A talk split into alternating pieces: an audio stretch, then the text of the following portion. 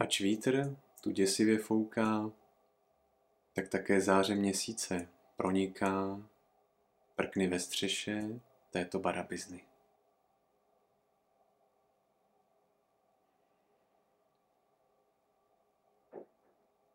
Ač vítr tu děsivě fouká, tak také záře měsíce proniká prkny ve střeše této barabizny.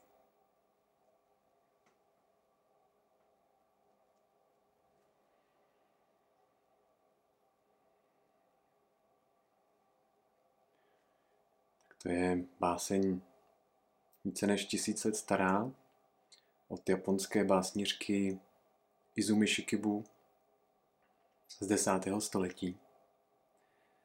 A mně se na téhle básni hodně líbí ten kontrast mezi tím chátrajícím domem nebo možná ruinou, kterou prochází vítr, do které dost možná prší a do které zároveň ale také pronikají ty paprsky měsíce, to čisté světlo, které v noci prochází prkny ve střeše. A v japonské poezii často měsíc odkazuje k osvícení, k plnosti nebo k probuzení. A tak možná můžeme číst tím způsobem, že to probuzení, osvícení eh, nachází svoje místo právě v těch ruinách, právě v těch troskách. Že tyhle dvě věci nejsou oddělené. A zároveň můžeme tu báseň číst také jako takovou pozvánku k tomu, abychom v tom, co vnímáme jako utrpení nebo jako zmatek nebo možná zklamání v našem vlastním životě, tak abychom se tam možná rozhlédli, jestli nenajdeme nějaké paprsky, měsíční záře, které se v tom všem zároveň také nějak objevují. A konečně je to možná i taková pozvánka k tomu, abychom se neuzavírali v životu. Abychom kolem sebe nebudovali příliš pevné zdi, které by možná sice zastavili ten vítr, ale spolu s ním by zastavili právě i to světlo. A tak možná tenhle úvod můžu jenom zakončit takovým přáním, abychom si mohli dovolit, aby náš život byl prostupný, aby byl otevřený, aby jim mohl procházet vítr a aby jim mohlo procházet světlo. A my jsme tak mohli obejmout život v jeho celistvosti. Tak a s tím si teď můžeme na chvíli sednout do meditace.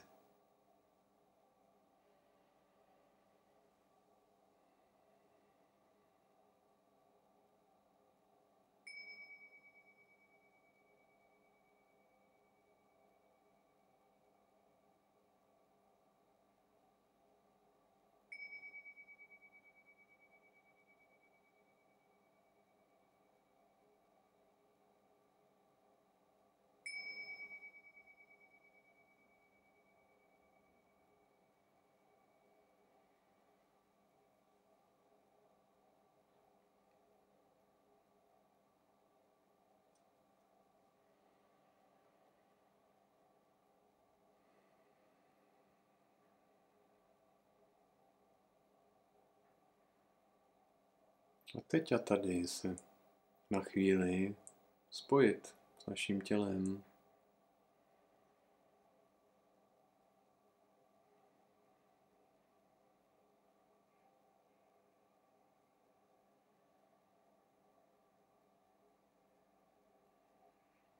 S tím, jak vnímáme oporu, podporu pod sebou,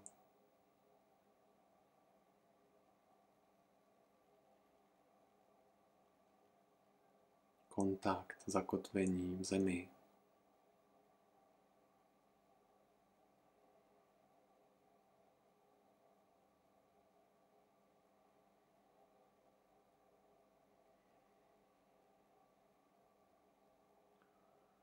A jak se díky této opoře může vaše páteř vytáhnout vzhůru?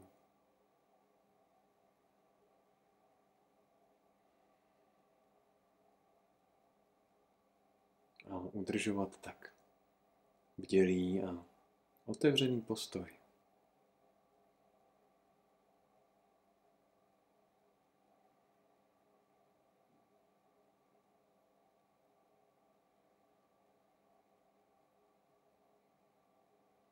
který je však zároveň také uvolněný, aby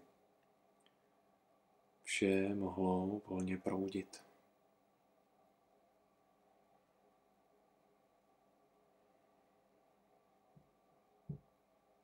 Aby dech mohl volně plynout.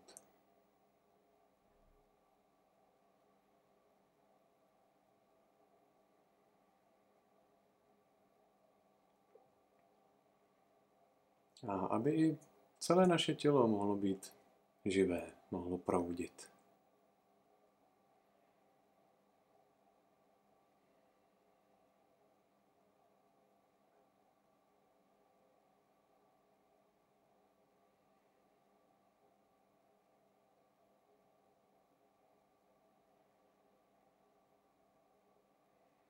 Tak teď na chvíli můžeme přenést pozornost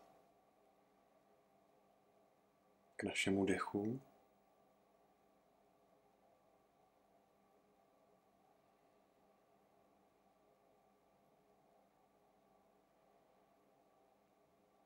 A jenom sledovat ty jeho vlny, vlny nádechu a výdechu.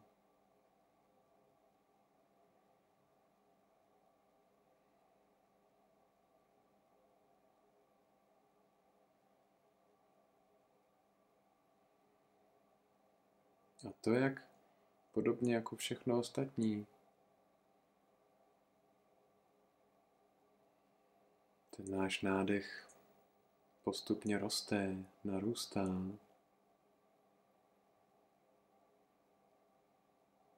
Až dosáhne svého vrcholu.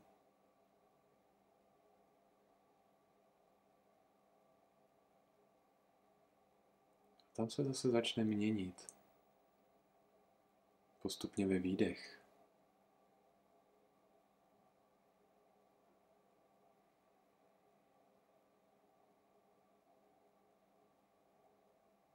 který také postupně dosáhne svojí hranice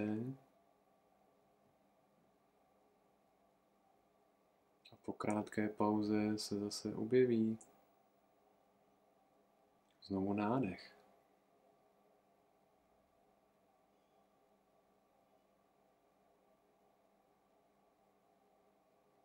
Tak chvíli můžeme sledovat tohle přicházení, narůstání a zase odcházení každého našeho nádechu.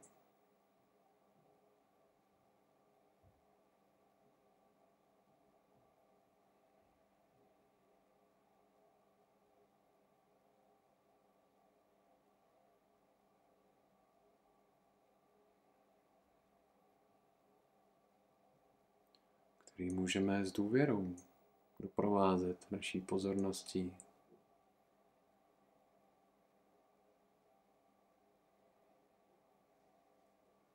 důvěrou, že po každém výdechu zase přijde další nádech.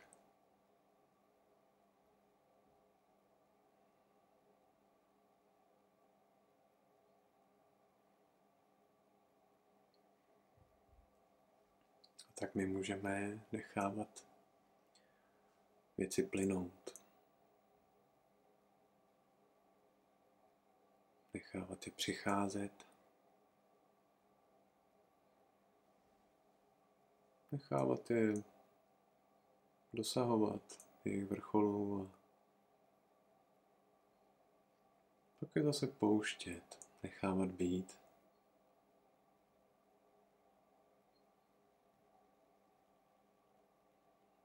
S důvěrou, že po nich zase přijde něco dalšího.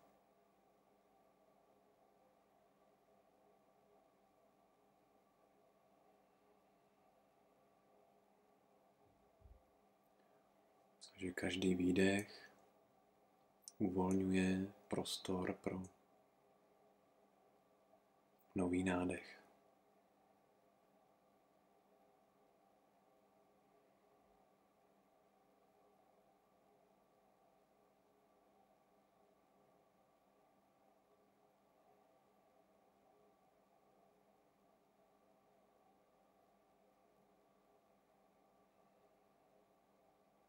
My tak můžeme být otevření a prostupní. Pro náš dech a pro to, co přichází. A pro náš výdech. A pro to, co zase odchází.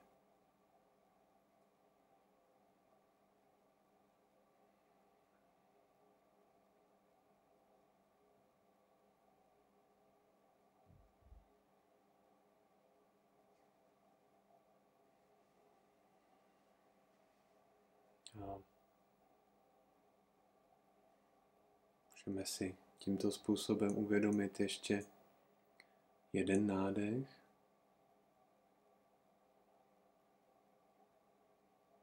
A jeden výdech.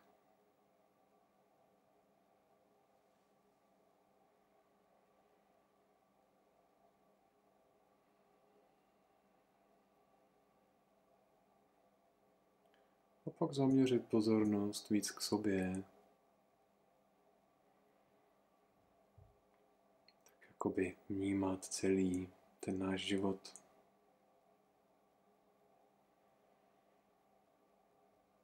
Se vším, co k němu patří.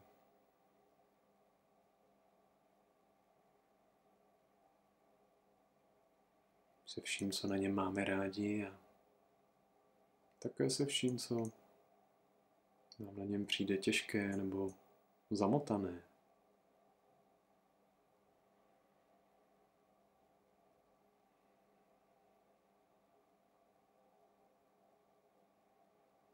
všimnout si, jestli můžeme tohle všechno v sobě obejmout.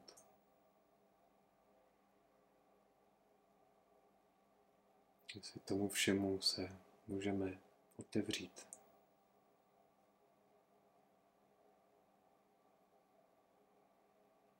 S důvěrou, že se to může dít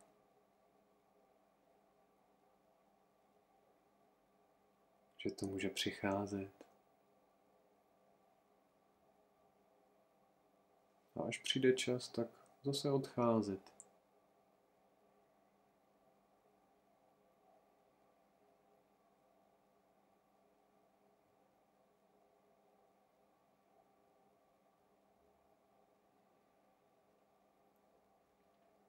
A že to je život.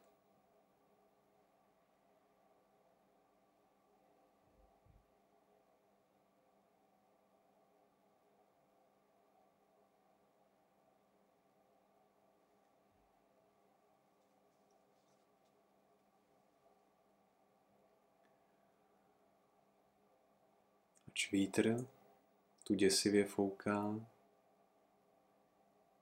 tak také záře měsíce proniká, prkny ve střeše této barabizny.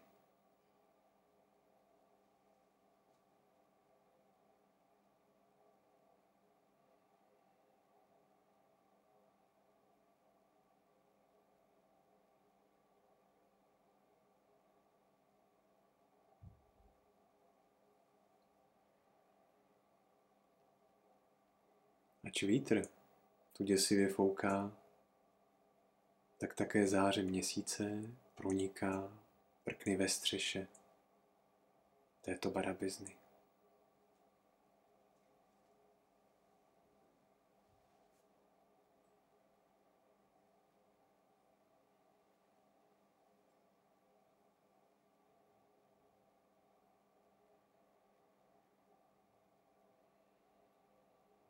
Tak pouštějme vítr. Pouštějme světlo dovnitř a ven.